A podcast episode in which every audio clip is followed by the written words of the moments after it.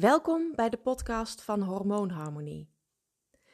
Vandaag heb ik een misschien een hele gekke vraag voor je die ik graag wil proberen te beantwoorden.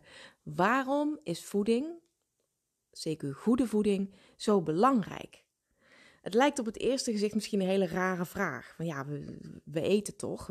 Wat, hè, we dat, dat, dat, ja, wat zouden we anders moeten doen? We eten, we moeten eten.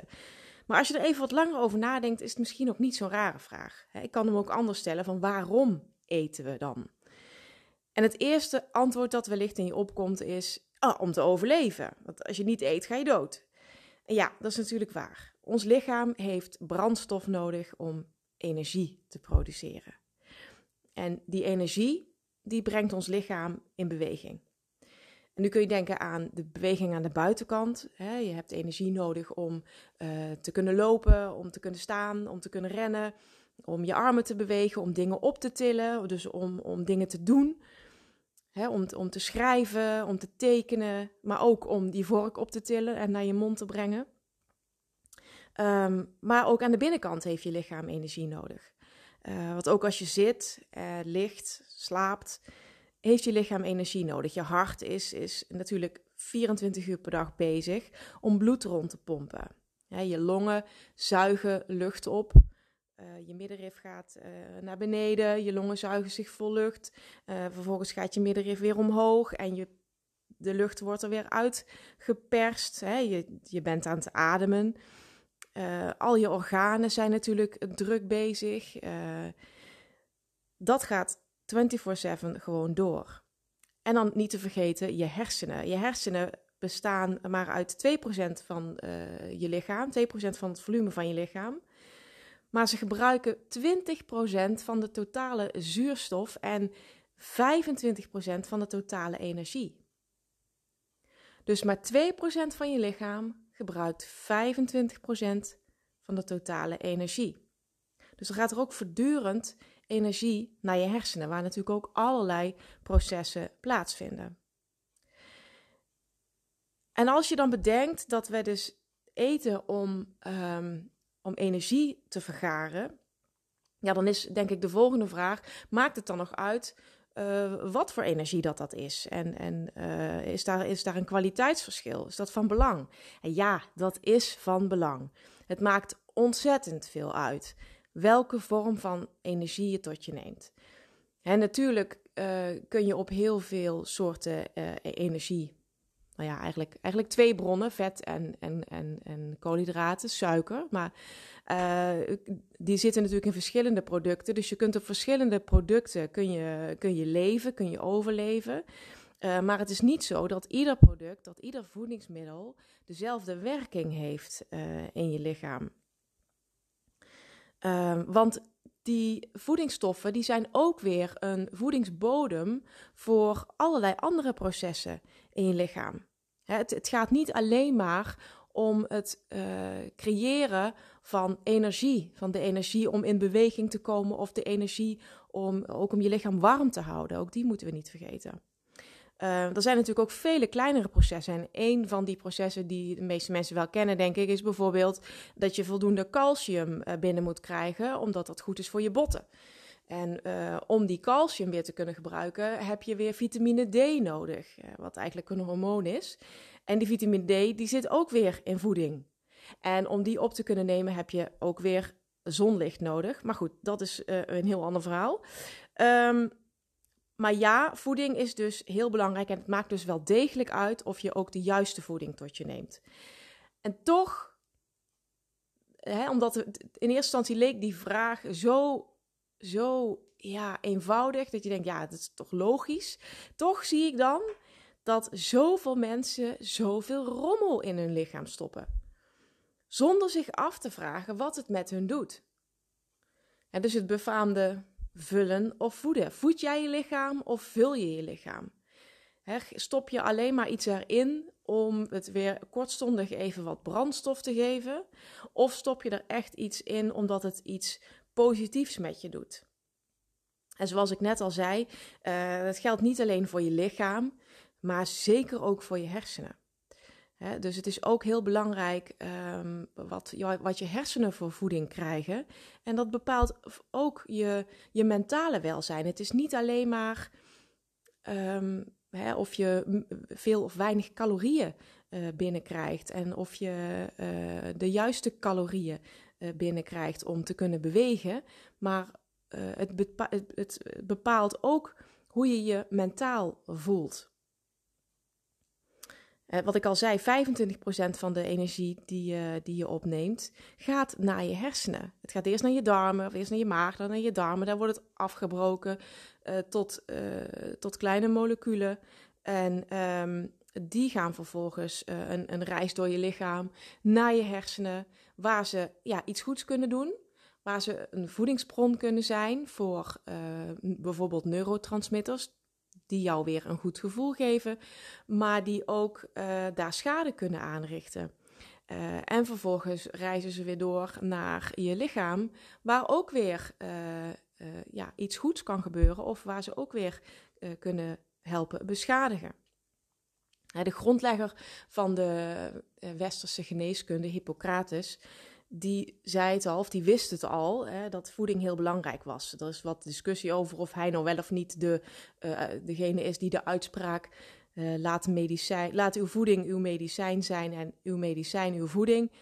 Of die uitspraak nou wel of niet van hem is, maar in ieder geval wist hij al dat voeding een belangrijk onderdeel is en een basis is voor gezondheid. En ook een belangrijk instrument voor de arts. En ik moet helaas zeggen dat ik eh, zelf uh, aan uh, de lijve heb ondervonden dat dat, ja, dat dat heden ten dagen wel anders is. Wat ik al in een eerdere aflevering zei.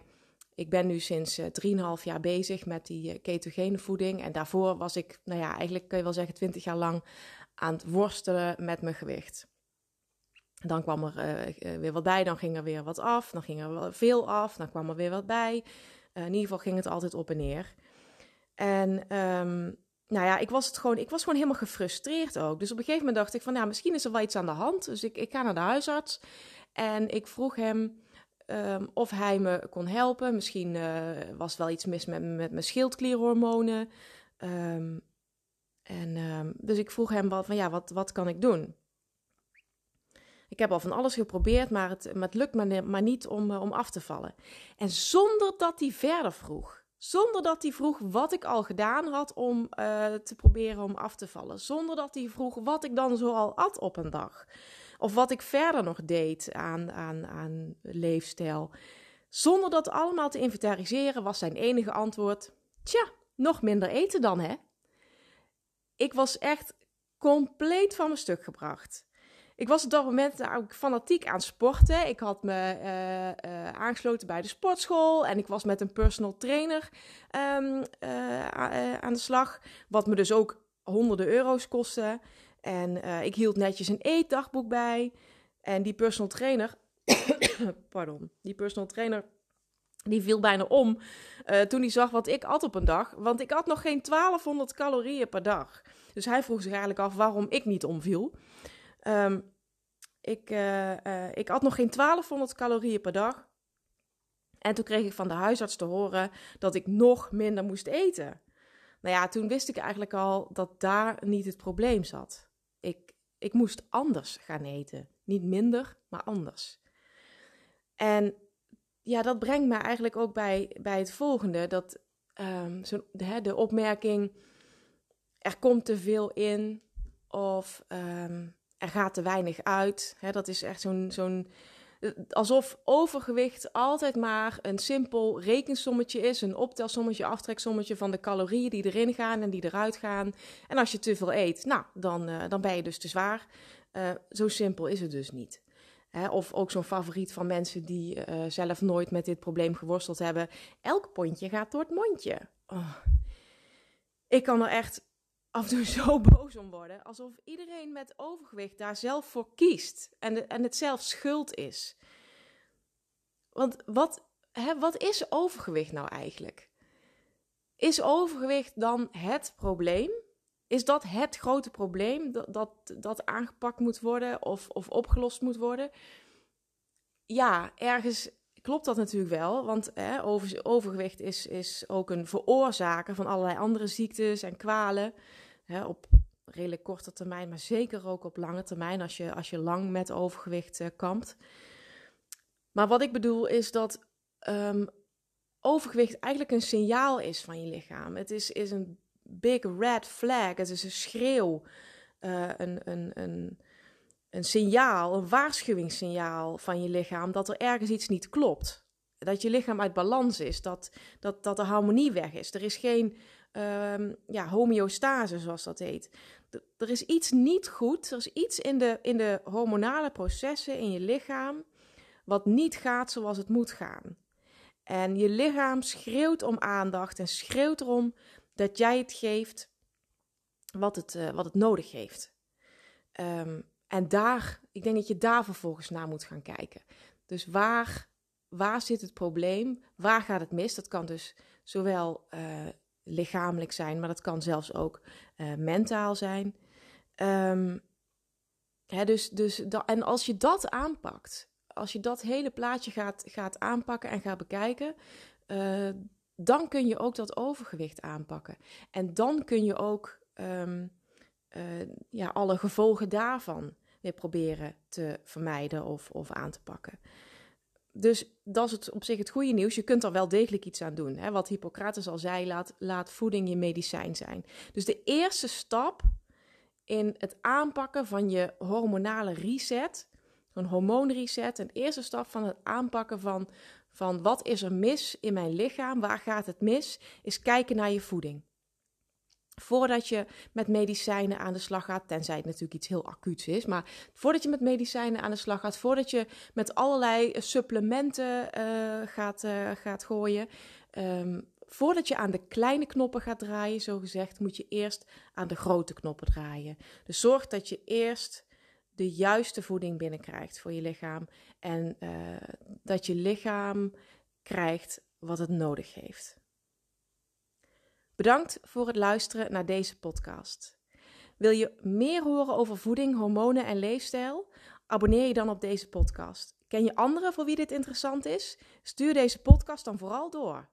Je vindt Hormoonharmonie bovendien op de andere social media als Facebook en je kunt mij persoonlijk volgen op Instagram en LinkedIn. Bedankt voor het luisteren. Tot de volgende keer.